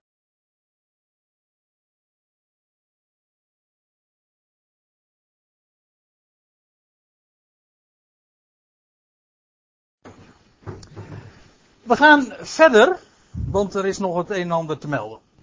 De indeling van het Nieuwe Testament en de brieven. Kijk, in het algemeen kun je natuurlijk zeggen dat de opbouw van het Nieuwe Testament een heel logische is. Een hele, in het algemeen logisch. In die zin, het begint bij het begin. Dat wil zeggen de evangeliebeschrijvingen, Matthäus, Marcus, Lucas, Johannes. Daarna krijg je het vervolg, het boek Handelingen. Het boek Handelingen begint ook met. Uh, mijn eerste boek Theophilus ben ik, heb ik geschreven over al wat Jezus is begonnen te doen. Hè? Zo staat het er toch? Over al wat Jezus begonnen is te doen. Met andere woorden, het boek Handelingen gaat over dat wat Jezus vervolgens ging doen uh, vanuit de hemel ook. En dus eigenlijk zijn het de handelingen van Jezus Christus vanuit de hemel. Ja, dat is dus het vervolg. En dan krijg je een hele rits van 21 brieven. Waar eh, in, inmiddels Christus verborgen is, ontrokken aan het oog. En dan eindigt het uiteindelijk met de openbaring van Jezus Christus. Ja, niet de openbaring van Johannes, helemaal niet de openbaringen van Johannes, zoals je dat ook nog wel eens een keertje hoort. Dat zijn allemaal verkeerde benamingen. Het is de openbaring, het is het boek De Openbaring. En het is de openbaring van Jezus Christus. En voor wie het niet geloven wil, die moet openbaring 1, vers 1 maar eens lezen, want daar staat het gewoon zwart op wit. De openbaring van Jezus Christus. Dat moet noodzakelijkerwijs, of dat wil zeggen qua logische opbouw, aan het einde staan. Want uh, als het dan zo is dat het begint bij het begin, uh, dan krijg je het vervolg. En dan krijg je vervolgens een heel aantal brieven, 21, 3 keer 7, waarvan akte, uh, drie keer zeven uh, brieven worden er uh, geschreven. Terwijl Christus verborgen is. Nou, dat duurt natuurlijk niet eindeloos voort. Want Christus zal uiteindelijk openbaar worden. En dat is het laatste Bijbelboek. Gewoon hele logische structuur en indeling van het Nieuwe Testament. Maar dan gaan we ons vervolgens eens focussen op die 21 brieven. Ook die is op een speciale manier ingedeeld, maar daar is nogal wat, over, uh, wat meer over te vertellen. En dan gaan we zien dat die indeling van de brieven wel degelijk Paulus' hand verraadt. Ja, want we hadden uh, voor de pauze hadden we gezien, Paulus was degene die het woord van God zou completeren. Dat beheer was aan hem toevertrouwd van Gods wegen. En we hebben ook allerlei aanwijzingen gezien. Uh, niet alleen van Petrus, maar vooral dan ook van Paulus. Hoe hij aan het einde van zijn leven de geschriften bij elkaar gebracht heeft. En uh, we hebben dus ook de, de, heel voorzichtig eufemistisch gezegd, de suggestie geopperd dat Paulus inderdaad degene is geweest die de, uh, de schriften gecompleteerd heeft, ook de eindredactie gevoerd heeft. Uh, dat zou je mogen verwachten dat ook in de indeling misschien Paulus' hand wel eens herkenbaar zou zijn. Het is maar een suggestie, hè? maar uh, hypothetisch zoals dat heet. Maar misschien. Ja, nou. En uh, wij, het, het blijkt al gauw dat dat het geval is. Want hoe is de indeling van de brieven van het Nieuwe Testament? Wel, de brieven uh, ik heb ze eventjes op volgorde genoemd. Jacobus, Petrus, 1 en 2 Petrus, dan 1, 2, 3 Johannes. Dat is toch de indeling van de geschriften zoals je die vindt in het Nieuwe Testament. Maar die indeling, die volgorde zelfs, is direct gebaseerd op Galaten 2. Dat wil zeggen op wat Paulus ooit al eens had opgetekend. Toen hij die namen ook achter elkaar in deze volgorde had genoemd. En wel bij een hele officiële plechtigheid nog wel. Want ze waren daar in vergadering in Jeruzalem. En uiteindelijk heeft men elkaar de rechterhand der gemeenschap gegeven. Want we praten hier niet over de eerste het beste. Want het gaat hier over mensen die voor steunpilaren golden. En dan wordt daar de rechterhand der gemeenschappen gedrukt. Want zo staat het in de Statenvertaling, letterlijk. En um, terecht, in de nieuwe vertaling staat het iets vrijer. Hè? Wij, ze gaven ons de broederhand. Maar daar staat dus dit in de Galaten 2 vers 9. En toen zij de genade die mij geschonken was opmerkte, reikte Jacobus, Kefas, Kefas is gewoon Petrus hè. Kefas is de Arabese vorm, Petrus is de Griekse vorm, als ik het goed zeg. Ja, ik zeg het goed. En Johannes, dus die drie, die voor steunpilaren golden, mij en Barnabas, Paulus medewerker dus, de rechterhand der gemeenschap, de broederhand. Wij zouden naar de natieën gaan, dat wil zeggen zonder enige beperking. Paulus heeft zich ook gericht tot Joden, maar gewoon tot de natieën in het algemeen. En zij naar de besnijdenis. Zij hadden dus, oh, oh, uh, zij hadden dus een beperking.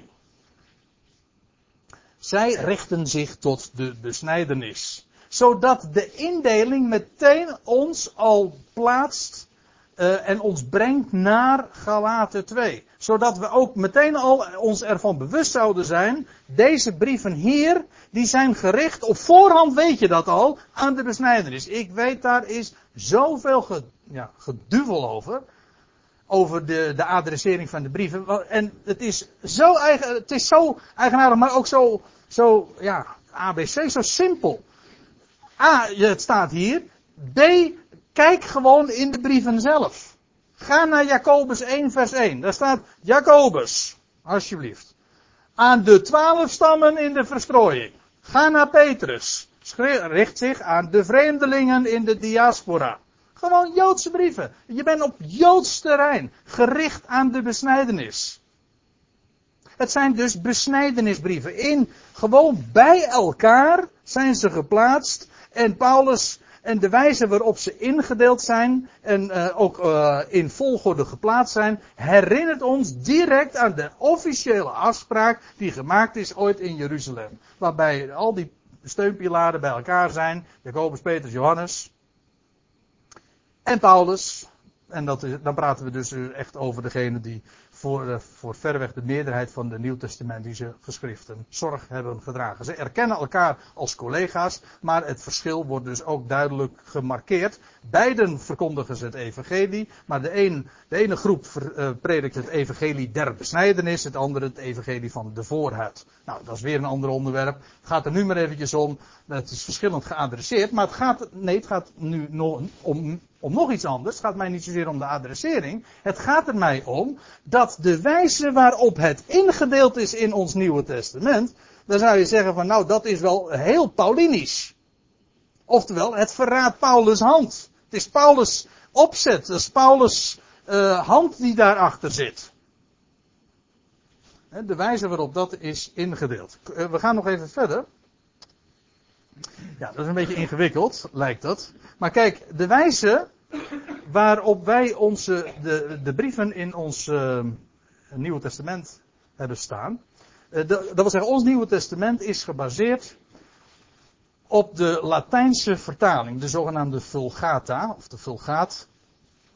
En die verschilt niet zo heel veel hoor, op zich, van de indeling van de oorspronkelijke, dat wil zeggen zoals die kennen in de Griekse manuscripten, de Griekse handschriften. Het verschil is niet zo heel erg groot, maar het verschil is vooral dat die besnijdenisbrieven, waar we het net over hadden, en dan bedoel ik inclusief Judas nog, want Judas hoort er eigenlijk bij. Judas is eigenlijk gewoon ook het spiegelbeeld van twee Peters, hè, dat weet u. Judas was trouwens ook de broeder des Heren, net als Jacobus. Ja, Judas was dus gewoon een broeder van de Heer. Nou, uh, daar zullen we uh, over die Judas uh, de epistel zullen we nu niet al te veel zeggen. Het gaat er maar eventjes om dat die, die, die zeven besnijdenisgeschriften in, de, in onze vertaling achter Paulusbrieven staan. Terwijl ze in de Griekse handschriften staan ze er juist voor. In de oorspronkelijke geschriften staan ze ervoor. En uh, dus de Latijnse in de Latijnse vertaling hebben ze dat omgedraaid. En uh, ja, waar, wat de reden daarvan is, ik heb wel een idee. En dat is dat men gewoon. Kijk, uh, die geschriften, daar heeft men in het algemeen, men zegt daarvan, het zijn de katholieke brieven. ja. De algemene brieven, ja, dat had je gedacht. Had je gedroomd. Dat zijn geen katholieke brieven, het zijn besnijdenisgeschriften. Ze zijn niet algemeen, ze zijn juist heel specifiek. Als, als er al katholieke brieven zijn, dan zijn het die van Paulus. Want die richt zich gewoon tot de natieën. Dus dat zijn besnijdenisbrieven, maar uh, de volgorde in de, in, de, in, de in de Griekse handschriften, dus in het origineel, even kijken hoor. Ja, laat, ik meteen even hier naartoe gaan. Uh, is dus zo. In de Griekse handschriften krijg je dus eerst zeven besnijdenisbrieven. En dan vervolgens krijg je de veertien brieven van Paulus. Ja, dan moet je toch eventjes beter naar kijken hoor, naar dit plaatje. Want dan krijg je dus eerst de volgorde, eerst de Jood. En daarna vervolgens, oh de Griek. Ook dat verraadt Paulus' hand. Eerst, het is trouwens ook chronologisch, klopt dit. Want het was eerst de twaalf. En later kwam die dertiende erbij, Paulus. Paulus is de laatste. Dus ook in die zin is het gewoon, is dit de correcte volgorde. En bovendien de volgorde zoals we die in de oorspronkelijke Griekse handschriften aantreffen. En daarmee bedoel ik de Alexandrinus en de Sinaiticus en zo. En trouwens ook de Vaticanus. Die Griekse handschriften. En, uh, dus je krijgt eerst de besnijdenisbrieven. Zoals we dat trouwens in dezelfde volgorde ook in het boek Handelingen. Eerst zijn het de twaalf die optreden. Met name Petrus. En dan vervolgens later als als de, de afwijzing van Israël zich gaat aftekenen, als het Sanhedrin ook uh, Stefanus stenigt, dan komt Saulus achter de coulissen hè, met zijn mantels. Ja, maar dat was weer een andere mantel als waar we het net over hadden. Uh, maar in elk geval, dan komt Paulus achter de coulissen, van achter de coulissen vandaan en die is zich aan het warm rennen, zeg maar. En die wordt dan op een later tijdstip geroepen. Eerst de twaalf, daarna Paulus. Oftewel, eerst ook de, de boodschap tot de Jood, later ook de Griek. Let ook even op het getal. Want het zijn, ik zei al, 21 uh, eh, geschriften in totaal. Maar, en dat is 3 keer 7. Maar het is ook echt 3 keer 7. Want eerst 7 besnijdenisbrieven. Jacobus, 2 van Petrus, 3 van Johannes en dan nog dat uh, kleine briefje van Judas. En daarna krijg je de 14 brieven van Paulus. En nou zie ik sommigen al kijken en zeggen van, oh, hé, hey, de Hebreeënbrief. Want kijk, eh, er zijn twee grote verschillen tussen de Vulgata-indeling, zoals wij hem in onze Bijbel dus hebben, en de, de oorspronkelijke. En dat is dat de besnijdenisbrieven niet uh, na Paulusbrieven staan, maar ervoor. Dat is, dat is het eerste verschil. En het tweede verschil is dat de Hebreeënbrief tussen Paulusbrieven in staat. Namelijk achter 2 Thessalonicense en voor 1 Timotheus. Eh, dus eigenlijk uh, tussen de gemeentelijke brieven en, en de pastorale brieven in. Daar staat de Hebreeënbrief in de oorspronkelijke Griekse handschriften gelokaliseerd. En dat brengt ons dus op een getal van 14. Als je de Hebreeënbrief niet meerekent, dan krijg je dus 13 brieven. En je zou kunnen zeggen van ja, 13 dat is toch het getal van Paulus. Dan zeg ik, daar hebt u gelijk aan. Maar 14, 2 keer 7, uh, nou ja, hè? Nou, daar, staat Gods handtekening achter, onder. En dat klopt ook, want die brief is wel degelijk ook, naar mijn stellige overtuiging, geschreven door Paulus. Hij hoort in ieder geval bij die collectie.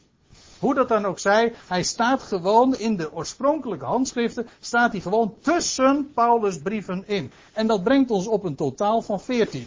Dus eerst 7 en daarna 14. Oftewel, nou ga ik het nog anders zeggen, en dat wordt nou een beetje typologisch. De laatste krijgt het dubbele deel. Ik zeg het nog eens. De laatste krijgt het dubbele deel. En als u niet weet waar ik nu op doel, Ja, dan zou ik u haast uh, kunnen verwijzen naar, uh, naar Jacob. Of je zou uh, dat ook eens navraag kunnen doen bij Ephraim. En bij zoveel Bijbelse figuren. Waar het eerstgeboorterecht een rol speelt. Want u weet het, hè. Het eerstgeboorterecht. En eerstgeboorterecht betekent niks anders dan dat de eerstgeborene, die kreeg gewoon een dubbel deel. Maar u weet ook dat het de eerstgeboorterecht in de Bijbel standaard naar de laatste gaat. Ja, dat is heel vreemd, maar zo werkt het wel. Het gaat standaard naar de laatste. Ja, dus daar zit ook een heel fundamenteel Bijbels principe nog weer, gaat daar achter schuil. niet, God neemt het eerste weg, om het even met de Hebreeënbrief te zeggen. God neemt het eerste weg om het tweede te stellen. Maar er zit nog veel meer aan vast. Gaat mij nu er alleen maar eventjes om. Dus je, je hebt de zeven besnijdenisbrieven. Maar uh, daarna verschijnt die laatste, Paulus. En die krijgt een dubbel deel. En die schrijft dus veertien brieven. En dat is ook inderdaad zo. Want uiteindelijk gaat het eerstgeboorterecht, het dubbele deel, gaat inderdaad naar Paulus. Hij ontvangt het hoogste. Het dubbele deel, hemels en aardse zegeningen. Nou ja, daar zit uh, natuurlijk uh, veel meer aan vast. Gaat me nu uh, en erom om de, de getalsmatige verdeling. Die is perfect. Hè? Zeven is het getal van God. Het is sowieso, dat weet iedereen, al heb je geen draadverstand van bijbelse symboliek en getallen symboliek, dan weet iedereen je nog wel te vertellen dat zeven het getal van de volmaaktheid is. Hè? Dan is het af. Bij acht begint weer een nieuw begin. Dat is altijd zo. Zelf, zelfs in de muziek is dat zo. Hè? Bij, de, bij de acht begint weer iets nieuws. Dat is bij de weken zo. Het is, het is een universeel bijbels, eh, ook. Na de zeven, eh, of bij de zeven is het af. Dus zeven uh, is, het, is het goddelijk getal dat het compleet is. Vandaar ook weer drie keer zeven. Ja. Nou. En nou wat ik. Ja. Maar, ja.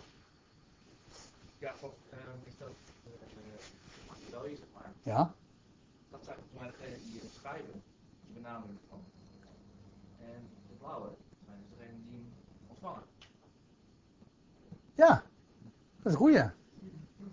Dat is een leuke. Dat, ja, dat is waarachtig. Ik heb dit, uh, dit is nieuw. Ik heb daar nooit zo eigenlijk bij stilgestaan. Maar als ik zo even vluchtig kijk, dan is het inderdaad zo. Wat, uh, wat, hij wat Arjan naar voren brengt, is dat de namen van de, van de brieven, in, uh, in, bij, in Paulus' geval, de naam iedere keer dragen van de geadresseerde, terwijl ze bij, in het geval van de besnijdenisbrieven, iedere keer de naam van de schrijver hebben. Ja. Uh, ik wil daar, omdat ik het nu zo, zo hoor, wil ik daar verder geen conclusie aan verbinden. Ik, ik vind het in ieder geval opmerkelijk. Ik, had, ik had ook nog wel een gedachte achter die kleur hoor, want de besnijdenis heeft te maken met Israël en dus ook dus met de, de, aarde en de kleur van de aarde is rood en Paulus krijgt een dubbeldeel en dat is blauw en dat heeft te maken met de hemel. Maar goed, dan heb ik dat ook weer even verklapt. Want we laten natuurlijk niks aan de toevallen over. Het woord van God is compleet. Als u nog, uh, als u zegt van ik heb van deze avond helemaal niets begrepen, dan zeg ik van nou, dat maakt, dat maakt ook niet zo gek veel uit. Als u maar dit in ieder geval goed onthouden hebt. Het woord van God is compleet. En als ik nou even daar nog één praktische opmerking aan mag, uh, aan, uh, mag toevoegen. Dan, uh, dan dit. Als er iemand tot u komt. Of als er iemand verschijnt. Die zegt. Ik heb nieuw licht van God. Ik heb woord van God. Dan weet je op voorhand. Ik, dat is een vooroordeel hè. Maar dat is een goddelijk dat is een bijbels vooroordeel. Dan weet je op voorhand, dit is leugen. Waarom? Wel, het woord van God is compleet. Al bijna 2000 jaar. Dus elke claim van dit is woord Gods, nieuw woord Gods, is, dat kun je gevoeglijk gewoon terzijde leggen. Uh, liefst links natuurlijk, hè, of in de prullenbak. Maar dat is dus gewoon onwaar. Het woord van God is compleet en draagt trouwens ook alle kentekenen van die compleetheid in zich. En, maar dat wou ik juist nu gaan doen, uh, Rijtsen. Kijk, jij wordt op je wenken bediend. Want, nou gaan we naar het Oude Testament. Kijk, wij spreken over het Oude Testament. En ook dat is weer helemaal door de war geschopt. Nieuw Testament valt wel mee, maar is toch ook wel akelig uh, verstoord. De hele indeling. Ik heb er net wat over gezegd. Niet zo storend als in het Oude Testament. Want de, ons Oude Testament is gebaseerd op de Septuaginta. Dat is de Griekse vertaling van de Tenach. Ja, dat klinkt allemaal erg ingewikkeld als je er nooit van gehoord hebt. Dat geef ik direct toe.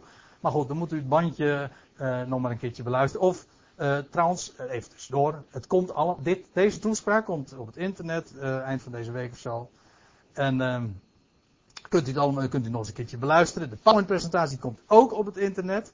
En vlak voordat ik na deze avond, vlak voordat ik hier naartoe ging, heb ik het artikel uh, ook op het internet geplaatst. Ik heb dat niet, ver, uh, niet te vroeg gedaan, want anders zou u hier allemaal niet gekomen zijn. Zeg, ik heb het al gelezen. Dus dit was een soort van, uh, onder het motto, klantenbinding, zeg maar. Nou ja. hoe dan ook. ik ben blij dat u hier allemaal bent. Maar in ieder geval, er staat een artikel momenteel op het internet, website, op goedbericht.nl, waarin u het allemaal vrij uitgebreid, want het is voor mijn doen een tamelijk lang artikel geworden, waarin ik het allemaal uit de doeken doe, uit de boeken doe. ja. ja, dat is een omgedraaide D. De Tenach. Ja, want ons Oude Testament, dat is, dat, uh, dat is de indeling van een Griekse vertaling, maar de oorspronkelijke Hebreeuwse Bijbel, of zoals een Jood dat noemt, de Tenach, of de Tenach, is heel anders ingedeeld, anders opgebouwd. Ook de uh, boekindeling is anders. Ons Oude Testament kent 39 boeken.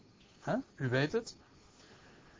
En het, uh, ja, dat is trouwens ook nog uh, omstreden hoor, want je zou kunnen zeggen dat er nog vier boeken bij komen, want het boek der psalmen zijn eigenlijk vijf boeken. Maar goed, uh, om het niet al te ingewikkeld te maken.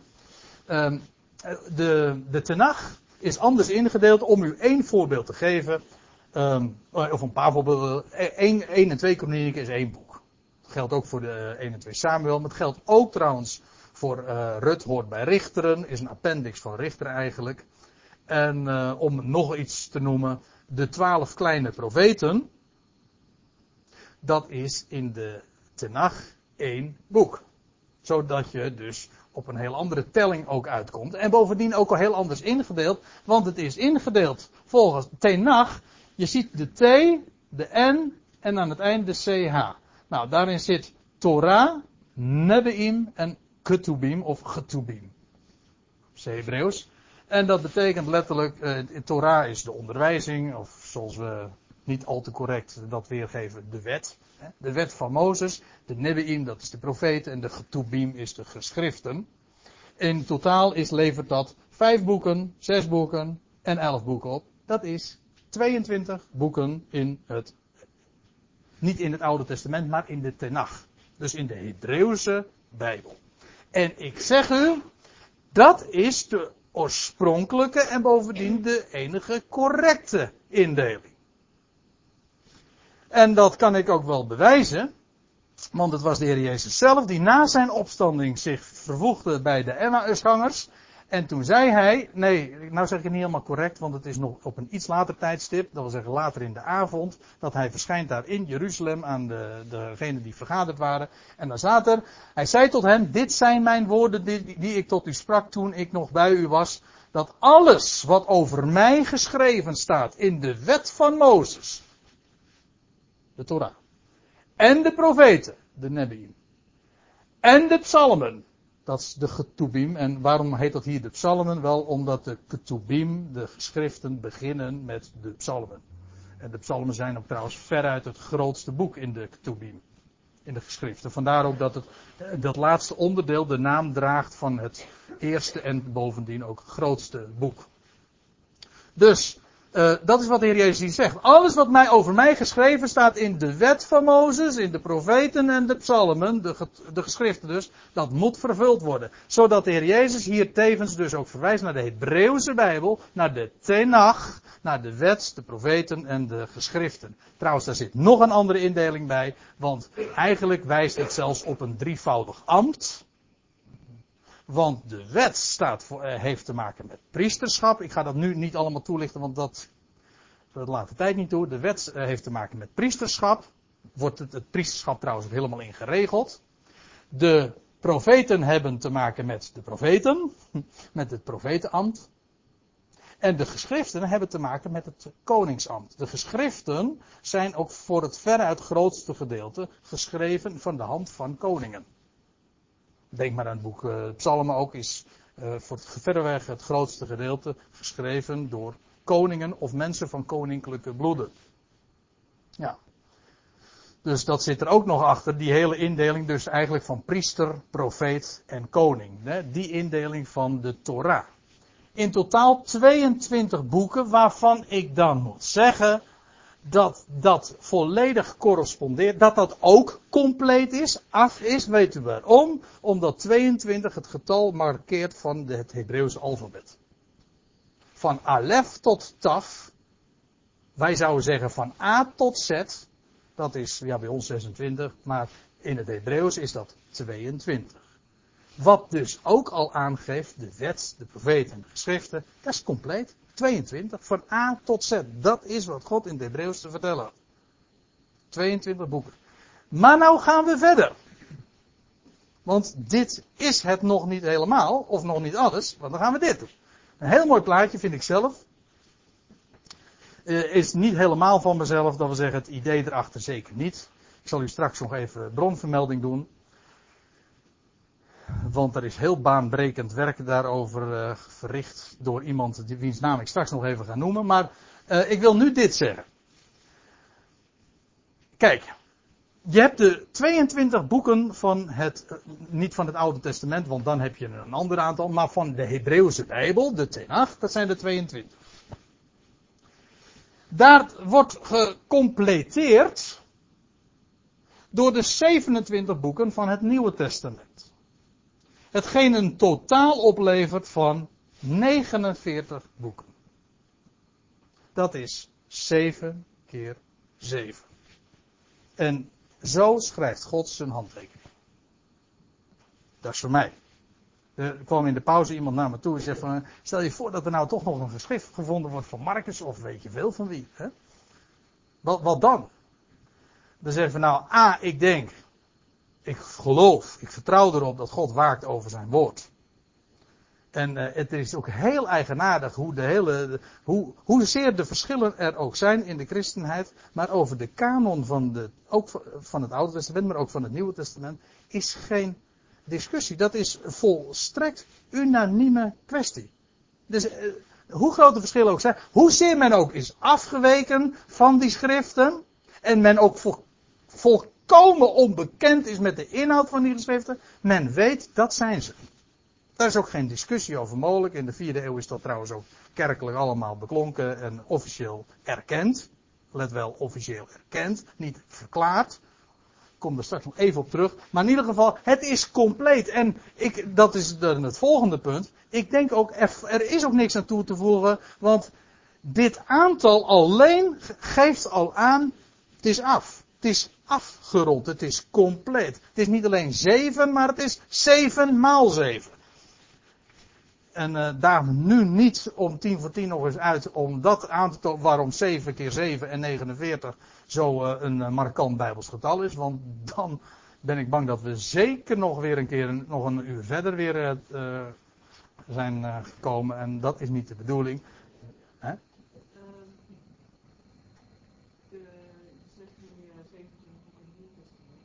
27. Ja? Nee? Nee, nee, nee. Het waren 21 brieven. Dat, is, dat was dus 3 keer 7. En het waren vier evangeliën. Het boek Handelingen. En het boek Openbaring aan het eind nog. Dus er komen er nog zes bij. Dus dat is, levert een totaal van 27. Maar let nou nog, eens, nog even op, want daar zijn we er nog niet. Uh, niet alleen het totaal, is 7 keer 7. Want als je dus het, he, want het, het, het, vertoont, het geheel vertoont ook symmetrie en balans. Ja, echt balans. Nou, vandaar ook dat ik die, die weegschaal er ook, ook zo heb uh, afgebeeld.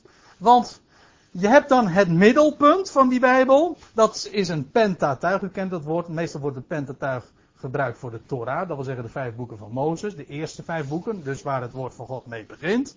Maar je kunt het ook anders opvatten, de vijf boeken, de Pentatuig van heel de Bijbel, zou je kunnen zeggen, dat is het centrum van de Bijbel. Letterlijk het centrum van de Bijbel. De middelste vijf boeken van de Bijbel, van die 49, dat is Matthäus, Marcus, Lucas, Johannes en Handelingen. En daarin wordt het, daar is heel de schrift op gebaseerd. Nou, hij, daarin wordt hij beschreven die het fundament is. Jezus Christus. Die vijf boeken. Hij is het fundament. Dat is het centrum van de Bijbel. Daar rust ook heel het Bijbels getuigenis op. En, en dat is in volkomen, uh, dat is een fundament, ja. Dat is het middelpunt. En aan beide zijden een gelijk aantal geschriften. 22 boeken. Weer dat van Alef tot Taf. Van A tot Z. Van de Al, zal ik het maar op zijn Grieks zeggen, van de Alva naar de Omega. Begin, het eind. Het is af. Dat is wat de 22 uitdrukt. Betekent dus volkomen balans en in het middelpunt precies die boeken die je er ook zou mogen verwachten. Die inderdaad niet alleen figuurlijk, maar ook letterlijk het centrum zijn, vormen van het Bijbels getuigenis. Alsjeblieft. Zodat inderdaad dus het woord van God compleet is. En ik weet niet of Paulus dit allemaal geweten heeft.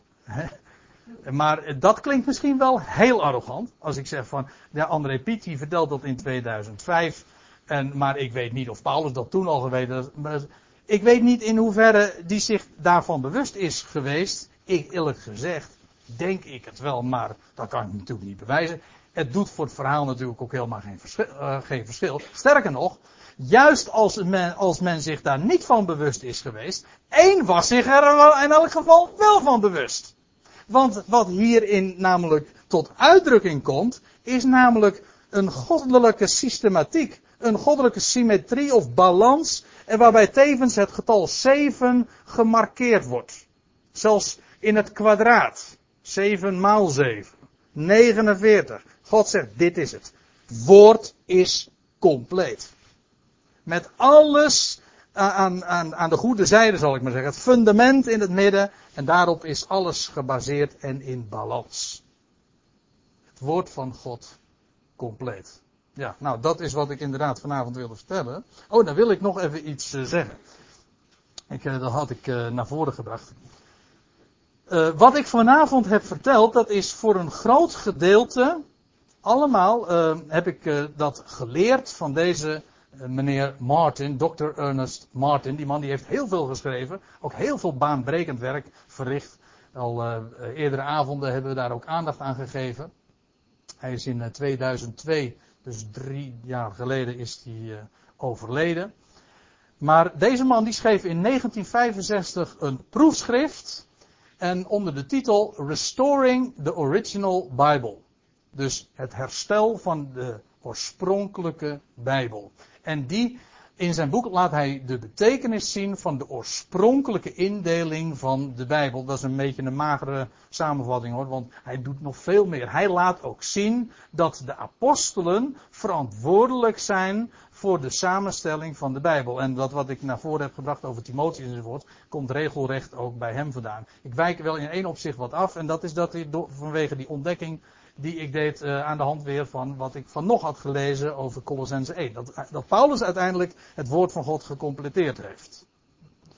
Want ik denk dus dat de volgorde wat anders is geweest. Niet dat, uh, zoals ik ooit wel eens een bijbelstudie daarover heb gehouden.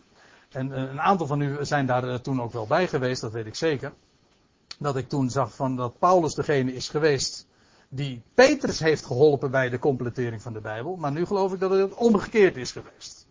Maar hoe dan ook, deze man heeft uh, een, een, in, in dat boek laat hij ook zien. Um, en dit is trouwens ook online allemaal te lezen. Je kunt het boek uh, nog steeds kopen. Restoring the Original Bible. Geweldig boekwerk. Maar het is trouwens ook internet, op internet online in zijn totaliteit te lezen. En hij laat dat ook zien, de betekenis van, de, van, van die indeling van de Bijbel en hoe God eh, ook het getal 7 uh, laat dat zien in de Bijbel. En de hele, de hele indeling, de hele symmetrie in de schrift is zo goddelijk. Dat is echt een uh, goddelijk design. Zijn ontwerp. Ja, dat, is, dat, is, dat mag je niet missen. En dat is, ik vind het prachtig als daar dan op gewezen wordt. En ik vind het ook prachtig om dat dan vervolgens op mijn manier ook aan u door te geven. Wat ik u dus wilde vertellen is dit. Dat had ik al gezegd. Het woord van God is compleet. En ik heb u ook verteld wie het woord van God gecompleteerd heeft. En dan nog even dit. De kanon van het Nieuwe Testament, eventjes voor, om alle misverstanden te voorkomen, werd niet gevormd door kerkelijke concilies in de vierde eeuw, zoals men abusievelijk nogal eens denkt. Maar het werd toen officieel aanvaard. Dat is heel wat anders. Dat wil zeggen, de kanon was er al, al was er al in de voorgaande eeuwen links en rechts nogal wat gesteggel over, dat weet ik ook wel.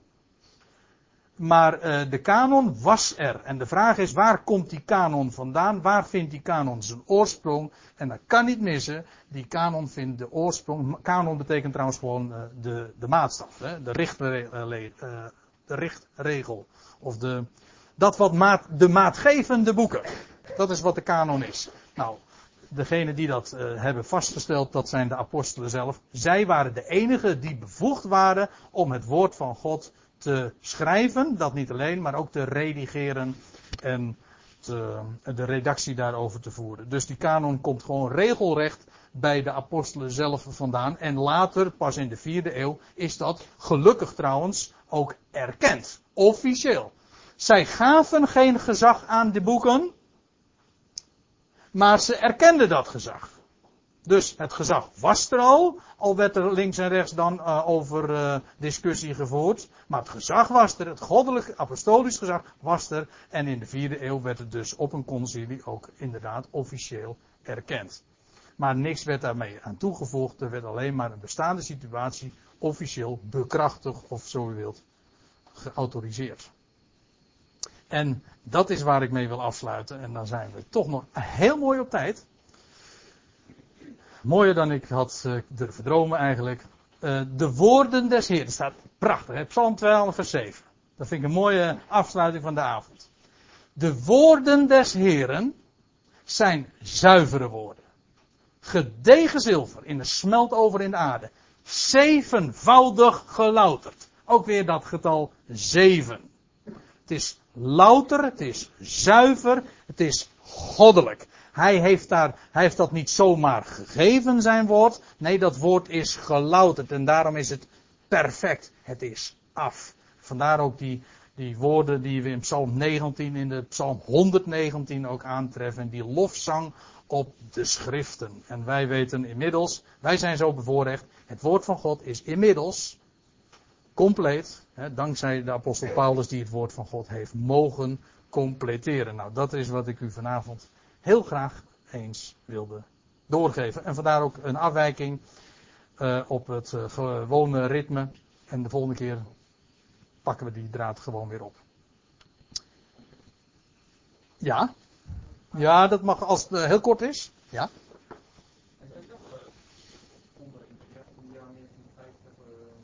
Ja. Dat weet ik. In, uh, in Egypte heb je de bekende Nag Hammadi geschriften.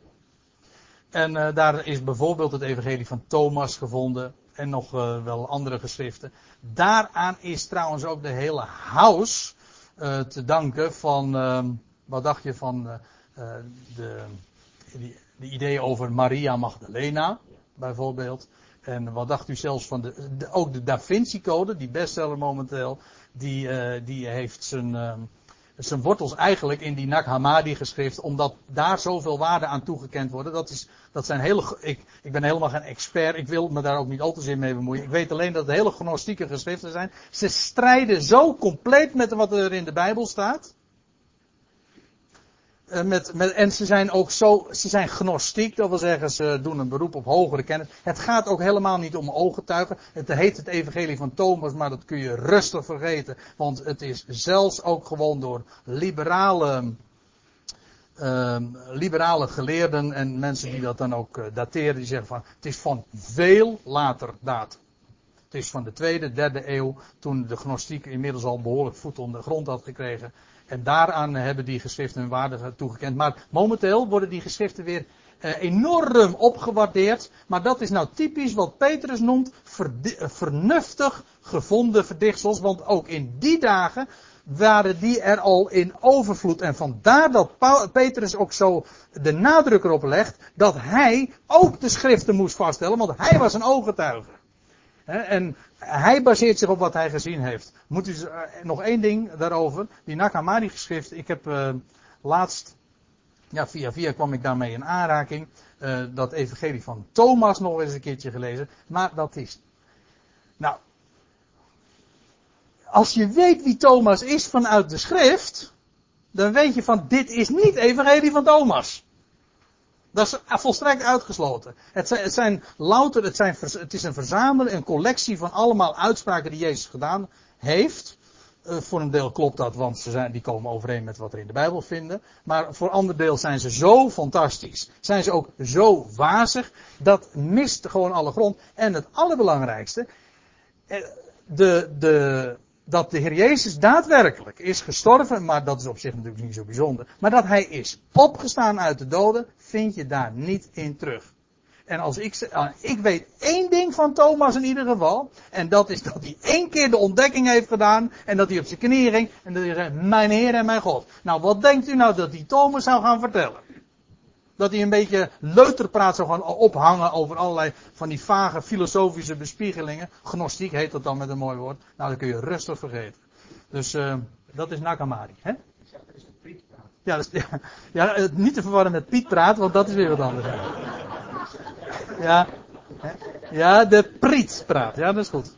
Piet praat. ja, Piet praat, dat heb u van de deel vanavond geluisterd naar Piet praat. Ja. ja. Goed, eh, ik stel voor dat we met elkaar een lied gaan zingen.